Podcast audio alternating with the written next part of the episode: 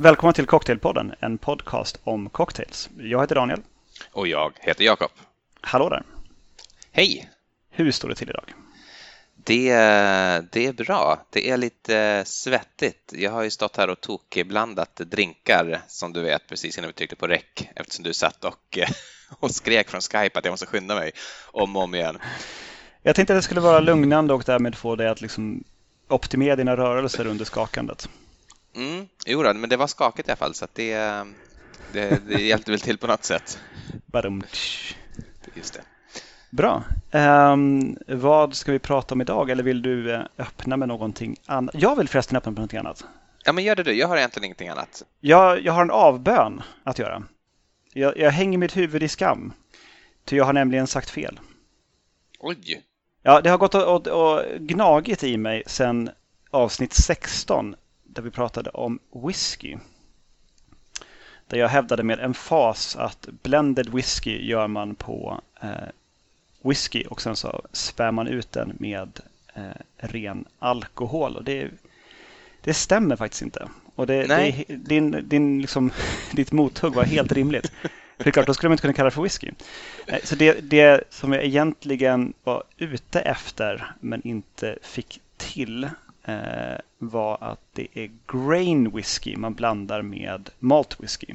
Och grain whisky är en, en mindre smakrik variant av whisky för den görs inte på, på mältat korn utan den görs på vad, vad annat som helst som man har som ligger omkring. Alltså majs eller vete eller vad som helst. Det det som brukar kallas råfrukt tror jag på svenska. Ja, för den är inte mältad. Nej, exakt.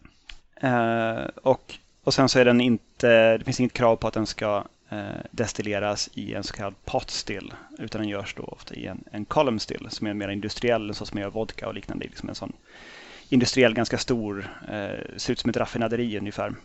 Just det, och det är väl en sån där, de, eh, där man liksom eh, kör den i flera steg så att den blir väldigt, väldigt ren eh, mm. liksom, i ett svep, eller vad man ska säga. När, när den kommer upp på toppen så är det nästan bara sprit. Precis. Men sen måste den lagras som whisky måste lagras för att få ingå i en blended whisky. Men det är fortfarande principen att man blandar en smakrik potstill whisky med en mindre smakrik eh, grain whisky.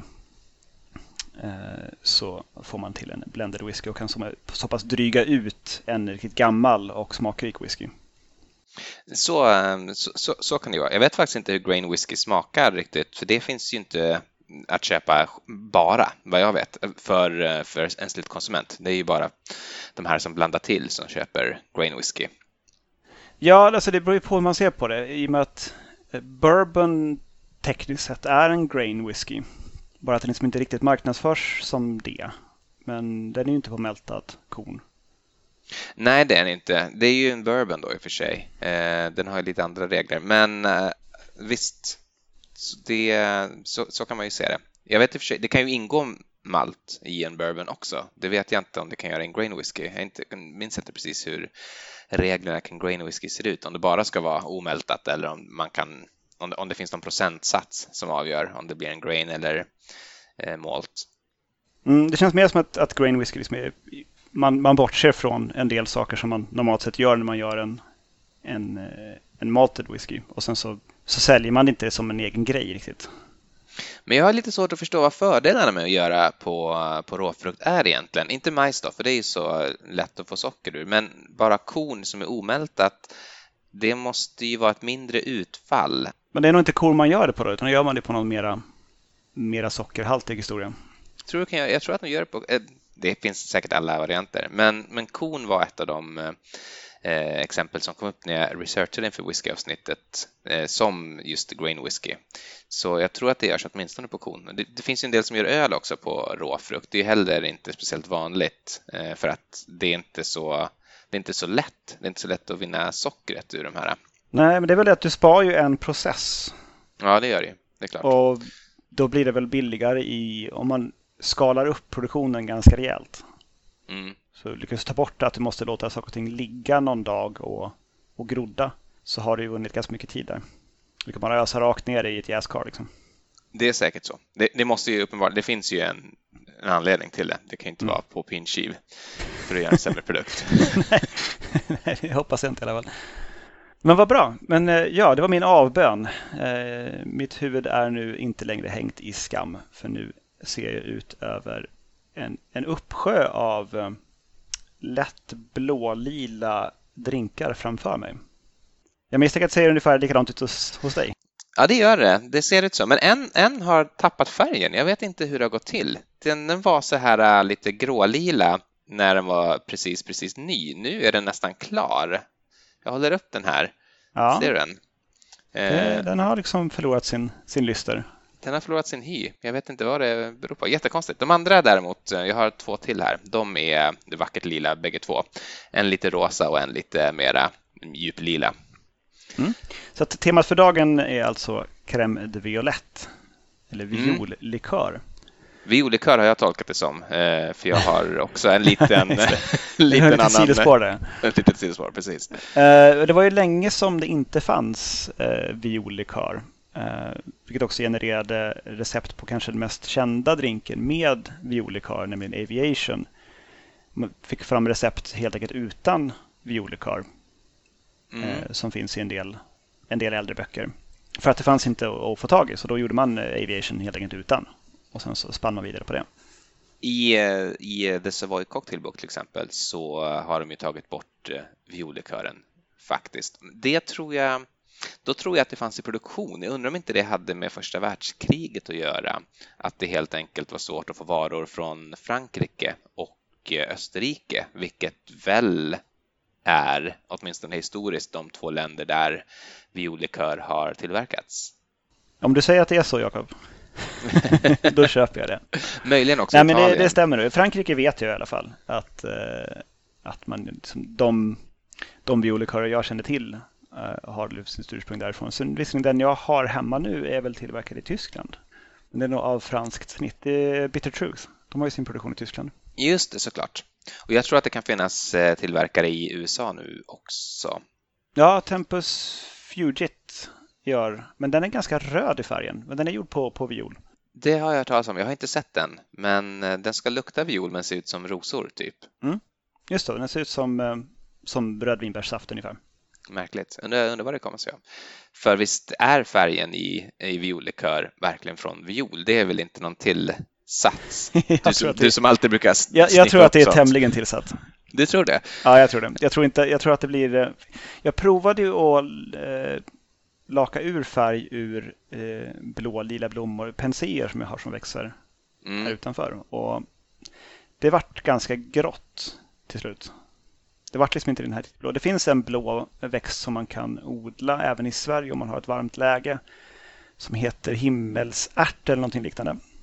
som man använder till, till blått te bland annat som är en väldigt så klarblå färg som går att köpa via Amazon i Tyskland för jättemycket pengar. Som någon form av hälsote då.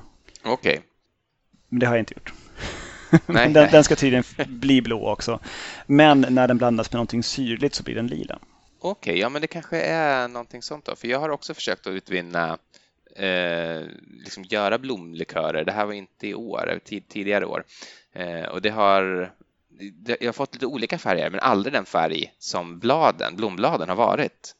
Nej, jag provade med eh, en orange eh, blomma som, som också är ätbar och det vart grönt. För den tog typ färgen från själva liksom, lilla knoppen under blombladen. ah, just det. Istället för de här orangea blombladen. Den, hit, den hittar någonting annat. Så jag tror att det, jag tror att det är blått färgämne helt enkelt. Det tror jag. Ja, men, ja. Vi, låter det, vi låter det ändå vara osagt tills eh, vi har eh, bevis tycker jag. För vem vet, kanske kommer det verkligen från blommorna. Vi kanske, ska vi bara säga förresten receptet på Aviation eftersom det ändå är en sån, eh, en sån klassisk drink. Jag tror vi har pratat om den många gånger. Mm. Vi har ju också gjort en rabarber aviation tidigare i podden. Just det. Vi bytte ut eh, crème de violette i det fallet mot eh, rabarberlikör. Och har du eh, nu, nu försöker jag göra receptet ur huvudet då. Nej, men jag, jag har det framför mig. Ja, men då så. Från, eh, från uh, Diffords guide. Perfekt. Uh, en och en tre fjärdedels shot gin, en halv shot Luxardo Maraschino, en fjärdedels shot crème de violette, en halv shot citronjuice och uh, en fjärdedels shot chilled water, han har det i några recept. Om man, det står så här liksom att man ska slänga i lite, lite extra vatten utifrån att man inte har vad han kallar för blöt is. Jag brukar alltid strunta i det, det där lilla extra vattnet och bara skaka mm. lite längre istället. Samma här. Eh, men det står med i alla fall receptet där. Men det är gin, eh, maraschino, crème de violette och citron. Och receptet kan man lätt googla upp när man behöver det. Det här tycker jag verkligen är ett recept som man, eh, om man inte vet hur proportionerna är, så tycker jag man ska googla upp det innan man blandar till drinken. Jag har försökt göra den ur minnet ett par gånger och eh, många av dem har det blivit jättedåligt, liksom näst, nästan odrickbart. Den, här, den kräver precis rätt balans, eh, men när man hittar den, då är det å andra sidan en eh, gudomlig cocktail tycker jag. En av de allra bästa vi har. Mm. Ja, det tycker jag ofta att om man har beställt Aviation ute på lokal så brukar man ofta få med betydligt mycket mer eh, crème de violette än en fjärdedels shot. Eh, så att det liksom, den är verkligen klarblå istället för ett lätt ljusblått skimmer som ska liksom vara himlen då på något vis. Eh, så man får liksom en ser ut som någon sån liksom ljusblå Blue Hawaii-liknande liksom 80-talsdrink istället. Men jag kanske kan börja Ska jag börja lite grann i och, och prata om, min, om en drink? Eller har du något som du vill dricka snabbt? Nej, alltså mina drinkar har hunnit bli lite i fel temperatur redan, så kör på det. eh, för eh, det här, det här kommer bli ganska långt kanske. Jag vet inte riktigt vilken ände jag ska börja i, för, för den, den drink som jag har framför mig här, som jag tänkte ha som min, min första drink, den den, liksom, den har en liten historia under veckan kan man säga, som började med att, eh, eller i veckan, det började långt tidigare. Den började precis när jag började intressera mig för cocktails lite mer seriöst och hade druckit eh, ett par aviations ute på lokal och ville förstås återskapa den här drinken hemma vid. Men då fanns det inte någon crème de violette att få tag på på Systembolaget. Kort efter det här alltså kom Bitter Truth eh, på Systembolaget, den crème de violette som eh, du har hemma då. Mm. Eh, och kort efter det så kom ytterligare en, nämligen från här Joseph Cartron som vi har pratat om ett par gånger som har massor av olika likörer. Många av dem finns på Systembolaget. Jag tycker båda, både Bitter Truth och eh, Cartron gör bra Crème de Violette. Jag tycker Cartron är lite mer som klassisk violgodis kanske. Eh, Bitter Truth är lite, lite torrare. Det kan man ha i åtanke också när man blandar till en Aviation, att det krävs nästan, man, man, man kan ha en liten, liten skvätt extra tycker jag om man har Bitter Truths eh, och kanske en liten skvätt mindre till och med om man har Cartron. Men det där är ju helt tycke och smak. Eh, hur som helst, jag fantiserade då ihop att man skulle kunna göra egen crème de violette med Eh, Eh, genom att köpa sådana här violgodisar och låta dem dra i sprit under en, under en längre period och eh, tänkte också göra detta. Men eh, så såg jag sen att Bitter Truth hade kommit så jag gjorde aldrig det. Jag köpte den istället. Men inför det här avsnittet nu så jag tänkte att jag skulle plocka upp den här tråden. Så i förra veckan så gick jag till ICA i Mörby centrum och köpte alla deras violpastiller. du måste ju fått en fantastisk blick från, från kassan. Du gillar verkligen violgodis. Men tycker, att det godiset finns kvar tycker jag är fantastiskt. Alltså. Att, liksom, ja. att, att, det finns en marknad för tablettaskar med violgodisar i. Det är, det är verkligen det är roligt. Jag vet inte om det någonsin har fått en renässans, men det har heller aldrig riktigt liksom försvunnit. Nej, jag vet att det fanns när jag var, när jag var tonåring så fanns det en, en spridd myt att man kunde maskera att man hade druckit och man doftade liksom alkohol genom att Jaha. äta violtabletter. Så jag undrar om det kanske är typ 14 till 16 som är målgruppen för violtabletter. Om det där fortfarande är en, en myt som, som finns. Ja, Eh, jag köpte i alla fall alla, allt de hade där och sen så gick jag också till ICA i eh, Hornstull då, där jag bor också köpte jag eh, också såna hårda violpastiller därifrån. Så jag hade båda sådana liksom hårda liksom, vad säger man, bröstsockerviol och såna här lite sega tablettaskviol. Och så blandade jag dem då tillsammans med lite mängd sprit. Jag har tre burkar här framför mig. Du ser de är ganska, en ganska ogenomtränglig färg ser ganska okej ut tycker jag så länge ligger i burken, men har fått liksom lite så här gråsvart med lite, lite Alltså det ser ut som att om du har målat med lila och svart i vattenfärg och sen så liksom tvättar penslarna i ett vatten. Ungefär den Den färgen har den, så den är inte så där vackert lila som man önskar.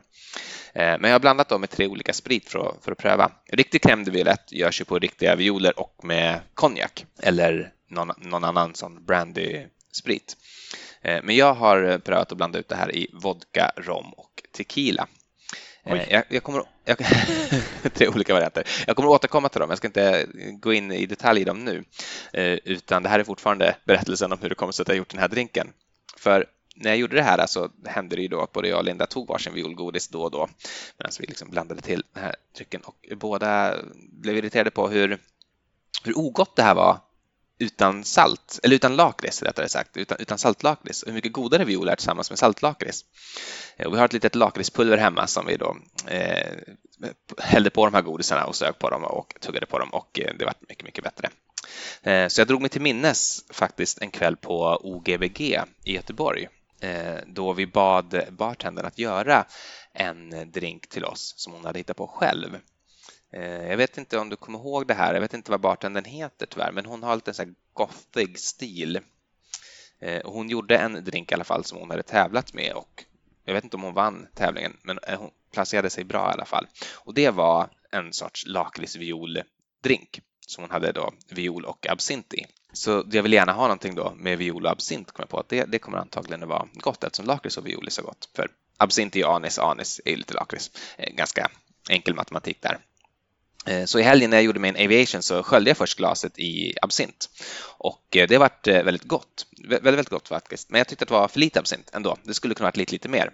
Och det har jag i den här drinken som jag inte har smakat än, men som heter Atty Cocktail. Den är hämtad från eh, Savoy Cocktail Book. Jag ska läsa receptet här. Eh, den, den, här ska då alltså eh, skakas och hällas i ett kopglas. Och det är tre delar gin, en del torr, torr vermouth, tre stänk absint och tre stänk med crème de violette. Eh, bok, den här drinken finns också beskriven i Diffords guide och då har han ju då istället för bara proportioner också riktiga mått här. Så att Diffords mått är eh, två och en fjärdedels ounce med gin, eh, tre fjärdedels ounce torr vermouth, en fjärdedels ounce absint och en fjärdedels ounce crème de violette. Och vad hette drinken igen då?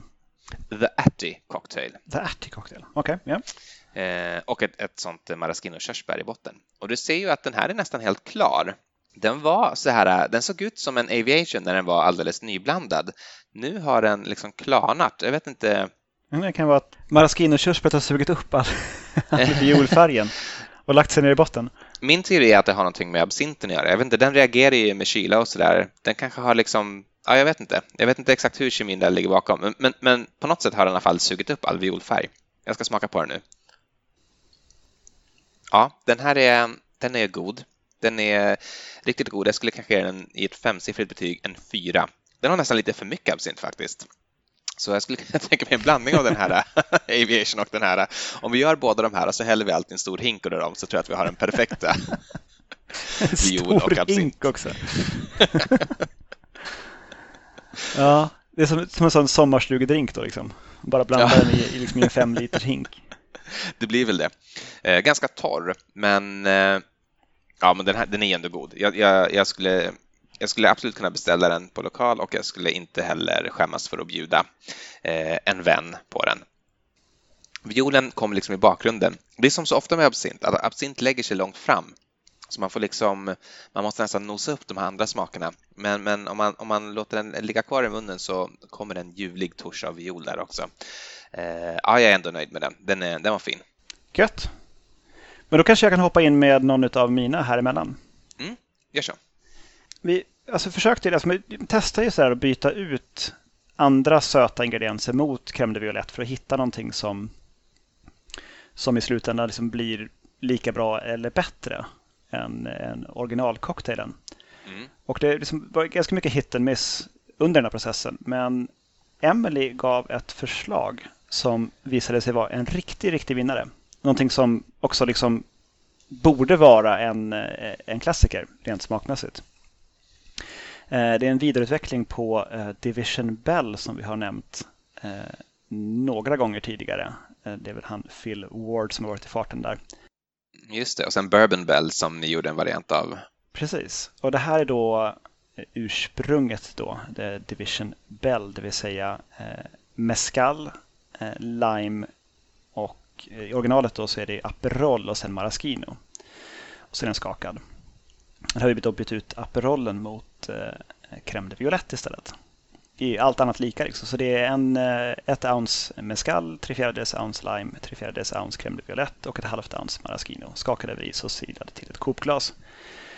Och ta mig fan om inte det här är precis lika bra, om inte, kanske till och med lite, lite bättre än, äh, än originalet. Det är riktigt, riktigt bra. Det här är du gjort med äh, äh, den här tyska. Bitter Truth har jag. Riktigt, riktigt bra. Och den får också en väldigt fin, alltså så, blå. Ja, verkligen. Väldigt tjusig blå färg. Den här rekommenderar jag varmt att man ger sig på helt enkelt. För att eh, Maraskin och Mescal eh, passar väldigt, väldigt bra ihop och eh, crème de violetten kommer också igenom ganska tydligt här i och med att det är en, en, ganska, en rejäl dos med. För annars brukar crème de violetten att försvinna väldigt lätt i en drink. Det här är, det är en riktig vinnare. Och den här kallar vi då för A History of Violets. det är roligt. Jag hade nog kallat den för Flying Bell för jag tycker att det påminner, det är en mix mellan uh, Aviation och, och Division Bell. Men History of Violet är ju allt annat lika ett bättre namn. Ja, nej, vi, vi började ju med namnet. Det är ju det. Vi, vi kom namnet var ju coolt och måste göras någonting med. Eh, sen så började vi liksom försöka hitta en cocktail som passade till det här. Då. Vi har också provat den med, eh, med äggvita med för att få liksom ett, ett eh, härligt skum på så man kan också lägga en, en blomma ovanpå skummet. Mm. Men där försvinner violdoften i skummet.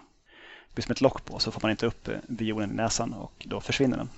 Man skulle ju kanske kunna eh, liksom ägg, vad heter det, skaka ägget eh, separat tillsammans med lite crème de violette så att du får ett crème de violette-skum. Absolut, men det går så bra. Man kan ju vispa det också i en, eh, en bunke bara. Man tar eh, äggvita och crème de violette och vispar upp i skum. Det skulle man absolut kunna göra.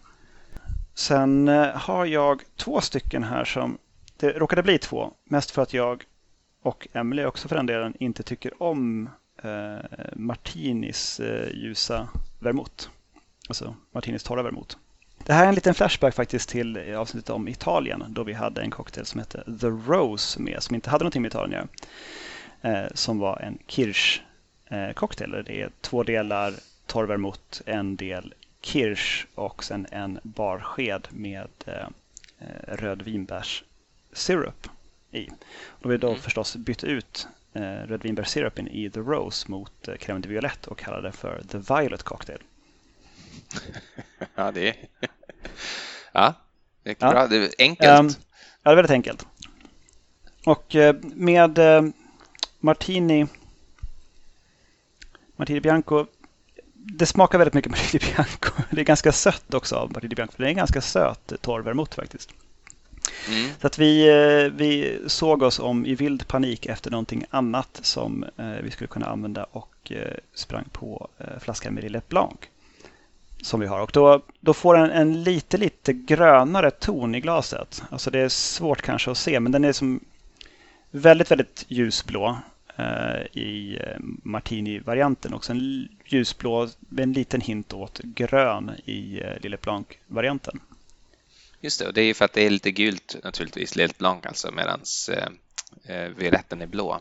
Precis, och det här blir det här blir, det är också en, en väldigt, väldigt god cocktail. Kirsch, är en för lite använd ingrediens.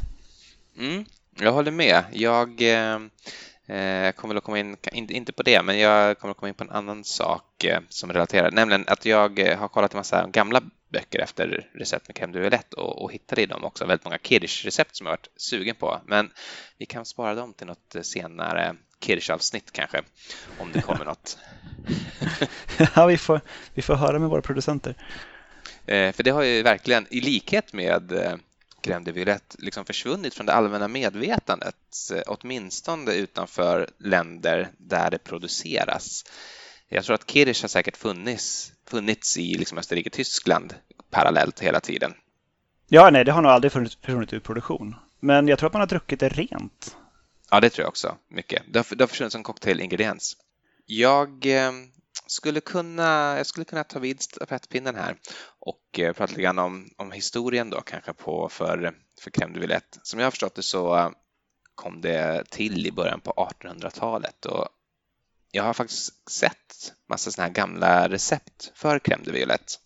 Det är liksom 50 gram viol, 50 liksom gram lite citron, bla bla, och så ska allting mosas i en mortel och så häller man på 18 liter sprit och så ska det stå si och så länge och sen ska, man, ska det typ stå i hett vatten. Och, ja, det, är mass, det är väldigt komplicerat, men det, det, det, det är därifrån det är i alla fall. Och från början så drack man det rent bara som en god liten drink för damerna kanske i första hand.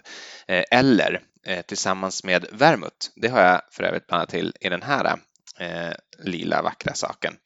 Och jag har använt söt vermouth faktiskt, men inte röd utan söt ljus vermouth som ju också finns.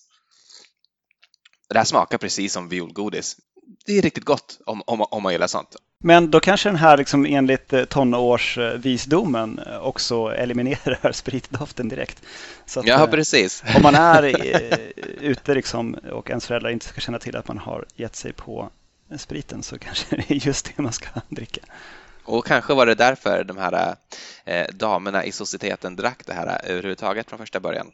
Det är egentligen runt liksom sekelskiftet 1800-1900 som jag tror att eh, eh, crème de violette får sin eh, liksom får ett, ett uppsving på riktigt och liksom blir någonting annat än en lokal angelägenhet i Sydeuropa och Mellaneuropa då det plockas upp av liksom the American bartenders som kommer till, kommer till Europa och också i USA förstås. Eh, men eh, ja, under 60-talet så försvann nästan helt produktionen. Vet inte riktigt vad det beror på. Det vart väl liksom o, eh, i, ur mode och det är väl egentligen först på 00-talet i och med den här nya cocktailvågen när man har hittat crème de violette i massa olika gamla recept som liksom produktion har tagit fart och det har kommit nytt. Och nu finns det också massa ganska nya cocktailrecept som innehåller crème de violette så det har ju blivit en sån liten hipp ingrediens igen. Men crème de violette är ju inte början på viollikörernas historia. Det finns ju naturligtvis en förhistoria till crème de violette också. Åtminstone sedan mitten av 1700-talet har man nämligen tillverkat och sålt en likör som heter Parfait Amour eller ibland Parfait d'Amour som åtminstone i sin moderna variant, och jag säger moderna variant nu med eh, liksom citationstecken för det är ändå uppåt 100 år sedan tror jag den här moderna varianten började tillverkas och mig veterligen har receptet inte ändrats. Så är det rosor, viol och eh, allehanda kryddor i en Parfait d'Amour. Och Bolls, det här holländska spritföretaget som gör så mycket likörer och annat, de har en Parfait Amour bland annat som jag har köpt. Eh, ser ut sådär, kan du se, jag kan ta en bild på den sen. Den är väldigt mörk i flaskan. Mm, väldigt mörk, väldigt, väldigt, väldigt lila också ser man om man häller upp den. Den är väldigt lik crème de violette faktiskt. Eh, och den, den, doftar och smakar viol också, men framför allt eh, rosor och eh, typ mandelbiskvier. Så att jag skulle ger här säga som en kombination av rosor, viol och mandelbiskvier. Crème, eller Parfait Amour är en eh, likör som har haft, eh, liksom fått dragits med ett uselt rykte väldigt, väldigt länge. Förmodligen är det så att när, när de började göra den här så försökte man efterlikna eh, en Rosolio, eh, en känd Rosolio som du ju nämnde i Eh, i Italienavsnittet. Eh, den här bortglömda eh, spritsorten som är någon sorts syster till vermouth. Och nu finns ju den här eh, Rosolio Italicus eh, som eh, finns i produktion igen och som hade vunnit massa priser och sådär. Men redan på 1600-talet så fanns det en berömd Rosolio som hette Rosolio Lavenda Eh, vars recept man kan googla upp om man vill. Jag ska inte dra det, men det innehåller lavendel och alla olika blommor och kryddor. Och förmodligen var det den som man försökte efterlikna när man skapade Parfait Amouren. Men eh, Rosenblad och eh, sånt är ju dyrt och man tvingas eh, konkurrera med parfymister så ganska snart så försöker man hitta billigare alternativ till the real stuff. Och någon gång sådär i slutet på 1800-talet så verkar det mer vara att man typ hade bara citronskal och typ sockersirap och sprit och blandade ihop. Eh, och det här fick ett, ja, det, det, här, det fick ett oerhört dåligt rykte Eh, så här står det till exempel i en känd kokbok från 1877 skriven av Aeneas Sweetland Dallas. Kokboken heter Kettners Book of the Table. Eh, så här står det om Parfait då. Parfait Amour unhappily is a liqueur which lives by its name and nothing else. We all like to taste that unknown bliss which is not found on earth and we hope to find its semblance in the bottle. The liqueur is too true as a satire. startling with the idea that love is bittersweet. Parfait Amour is made of bitter zest of limes mollified with syrup, with the spirit of roses, and with spicy odors. It is in fact a kind of orange bitter spoilt. Whoever drinks of Parfait Amour says in his heart, This is a mistake. And therein lies the success of the liqueur. It has a rosy color, it has a fine, na- fine name, and it is not. One trial is enough. Oj, hårda ord alltså. Verkligen. Eh, Det här bolsreceptet är ungefär från den här tiden. Det här tror jag är en av deras absolut äldsta spriter som de fortfarande har i produktion. Eh, faktiskt. Eh, Men eh, ja, som sagt, jag tycker inte alls att den är så illa. Och den här innehåller ju uppenbarligen rosor. Den smakar i alla fall väldigt mycket ros. Jag har självklart gjort en drink med Parfait Amour också. Den här vackra tingesten. Oj, persikofärgad ska jag säga. Ja, lite. Den, den kanske, jag skulle säga mer, mer åt det lila-rosa hållet, men med en persikohy. Jag tror att det, det kan bli lite skevt i webbkameran där, för att jag har en lampa precis ovanför, eh, som du ser då.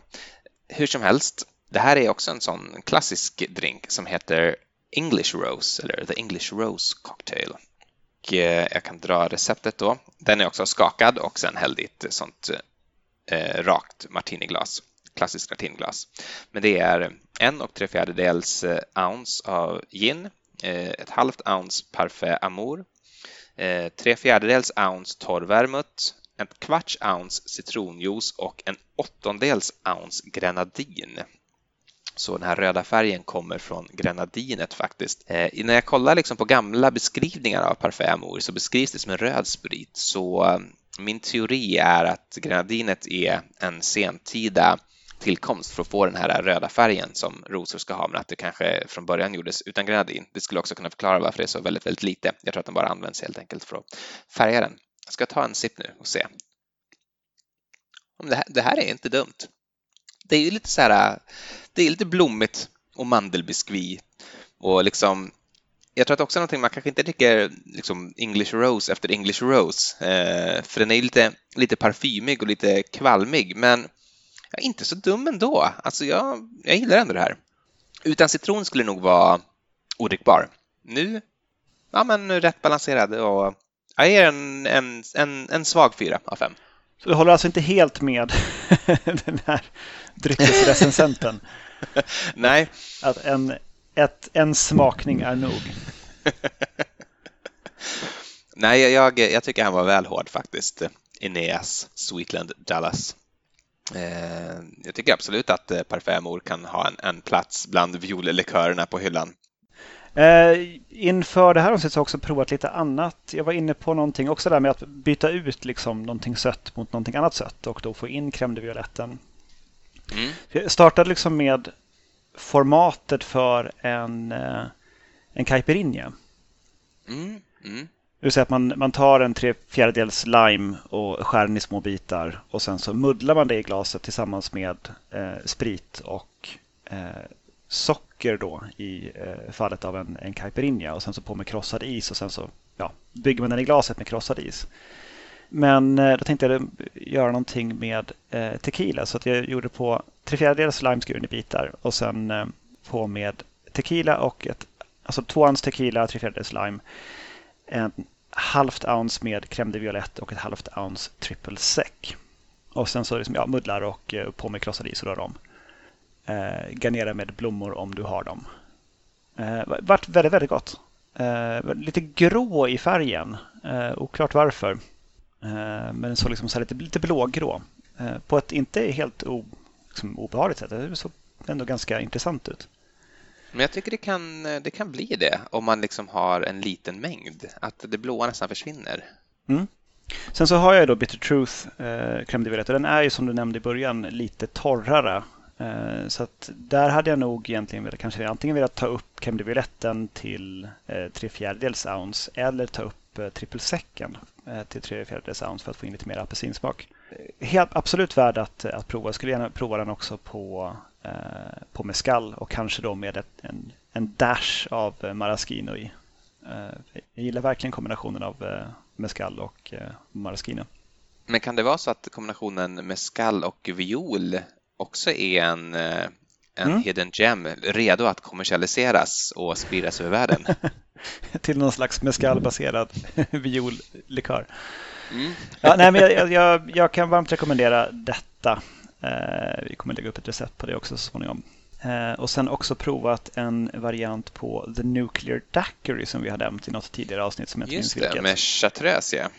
Precis. Eh, och den är då gjord på eh, Ray Nephews Overproof White Rum som ligger någonstans runt 67-68 procent i styrka.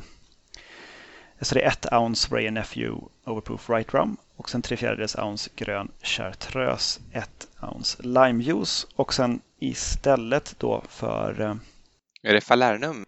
Ja, ja, precis. Det är falernum jag har tagit bort. Det ska ju vara ett halvt ounce falernum, men i och med att Bitter Truth är lite mindre söt än falernum Eh, så fick jag eh, knuffa upp det till till fjärdedels ounce eh, crème violette. För att få till, det, eh, annars var den lite för syrlig. Men det var jättegott. Och den, i och med att den originalet då heter Nuclear Daiquiri och eh, man kan döpa en, en, en dotter efter sin moder så heter den här då eh, Fallout. Men den ser också, i och med att det är grön chartreuse och crème de violette så blir den så här lite, lite blågrå, lite askfärgad. Så lite... Ja, men jag blir inte det. Det här måste ju likna det här äh, Swamp Water som... Precis. Det är, inte, det är inte helt olikt, men den här är å andra sidan väldigt, väldigt god. Mm. Så att, som Swamp Water fast god på riktigt. Ni har varit kreativa i veckan. Ni har fortfarande semester kanske? Ja, det här är ju sista, de sista skälvande dagarna. Det är också därför jag har gjort så många cocktails till det här avsnittet. Du passar på medan du kan. Exakt. Eh, också provat en som heter Eagle Cocktail. Det är en, en ginbaserad ungefär som, eh, det är som en sour med eh, sötman kommer från crème de violette istället för socker. Och det är två ounce eh, gin, tre fjärdedels ounce crème de violette, ett ounce citronjuice, en tesked socker och en äggvita. Och sen skakad och eh, silad till ett eh, kokglas. Också väldigt god. Jag tycker gin funkar med crème de violette också. Eh, bara liksom, det, det måste vara så pass mycket crème de violette att man liksom ändå får med violsmaken. Så crème de violette och gin är ju en klassisk kombination, till exempel i, i Aviation som vi har pratat om i detta avsnitt och många andra. Men eh, något som man sällan ser är ju konjak och crème de violette, vilket är lite konstigt eftersom crème de violette är en konjaksbaserad eh, likör. Det borde ju kunna gifta sig, men det kanske är för att båda har liksom en färg som tar över och att det inte blir så vackert att se. Jag vet inte riktigt vad det annars skulle kunna bero på. Ja, jag har ju nästan bara sett det med vita spritsorter. Jag tänker att det blir väl kanske liksom lite brun, brunblått på något sätt. Inte en angenäm färg helt enkelt. Men det, det, det, ja, smakmässigt så kan man ju absolut tänka sig att man skulle kunna göra någonting där. En, en sidecar med, med ett skvätt crème de violette tänker jag mig borde kunna vara rätt spännande. Ja, eller en Sazerac-liknande historia på konjak. Eh, med Ja, sötman från eh, crème de violette. Och då kan man ju göra, jag- vi provade också in veckan som gick nu, eh, The Grand Sazerac som du rekommenderade. Det. Där det är lika delar eh, bourbon och eh, Grand Marnier. Men om man gör den på konjak istället och byter ut Grand Marnier mot eh, eh, crème de violette. Mm. Då är det ändå så pass mycket crème de violette att det borde kunna bli en, alltså någon form av djup lila färg istället för Ja, det kan också bli väldigt violettigt, men det är väl värt att pröva. jag, jag kan nog jag kan falla på det svärdet. Du tar, du tar på dig det. Det är bra. Mycket bra. Jag testade att bara göra en eh, eh, crème de violette och prosecco. Så väldigt enkelt, bara liksom söta prosecco med lite crème de violette. Mm. Och här är nog där som crème de violetten kommer igenom tydligast, alltså med, med violdoften. I och med att eh, mousserande vin, liksom, ja, det bubblar ju upp och det ger som en liten sån eh, en liten skjuts uppåt just av aromämnena. Just det. Ja, det är väldigt gott. Eh, det, absolut, det, det funkar jättebra. Då skulle jag vilja tipsa om en liten variant på, på, på den där eh, som heter Stormy Morning som jag har nämnt i tidigare avsnitt. Jag tror i frukostavsnittet, men jag nämner den igen nu för jag råkade se att jag har receptet framför mig. Eh, som är någon eh, New Orleans-historia från början. Men eh, enligt receptet då ska det vara 4 centiliter crème de violette, 4 centiliter eh, Saint-Germain fläderblomslikör, 3 centiliter limejuice och sen en dryg deciliter med champagne eller prosecco som man häller på det där. Och den där har jag gjort ett par gånger och jag tycker att den är fantastiskt härlig, blommig, frisk, god, söt på alla sätt. en perfekt eh, eh, Royal. Linda säger att hon tycker den är för söt, men eh, det är ju bara att skära ner på fläderblomslikören. Det är väl där den mesta sötman kommer ifrån. Alternativt bara häll på mer häll på mer torr skumpa så är det ju i mål. Precis. Och det kan ju inte vara fel. Nej, det, det där går ju alltid att ordna tänker jag. Bra, nej, men till provsmakningen utav dina hemgjorda varianter. Ja, vi, eh, vi tar det här i mål genom att se hur det blev. Eh, det var ju som sagt, jag känner lite repetition, det var ju vodka och rom och tequila som jag hade som bassprit och jag gjorde dem på det sättet att jag hällde ner massor av såna här tablettask eh, violpastiller tillsammans med, med mortlade eh, liksom, hårda violgodisar. Då. Och de här hårda violgodisarna de löste upp sig eh, ganska tidigt och gav en sån vacker lila nyans. Men eh, det var liksom redan första timmarna. Jag lät det här totalt ligga i ett dygn innan jag tog bort godisarna ur spriten. Men de här violpastillerna, de liksom löste aldrig upp sig, men de gav ifrån sig en ganska oattraktiv svartlila färg och visst eh, jämförde jag det tidigare med att tvätta vattenfärgspenslar i vatten. Ungefär så ser det ut faktiskt. Det inte, den ser inte jätteattraktiv ut. Jag kan säga att jag tjuvsmakade på de här redan i helgen och gjorde då en eh, variant eh, av en Affinity eh, som heter Violet Affinity som vi återfinner också i Diffords guide. Då gjorde den på romvarianten.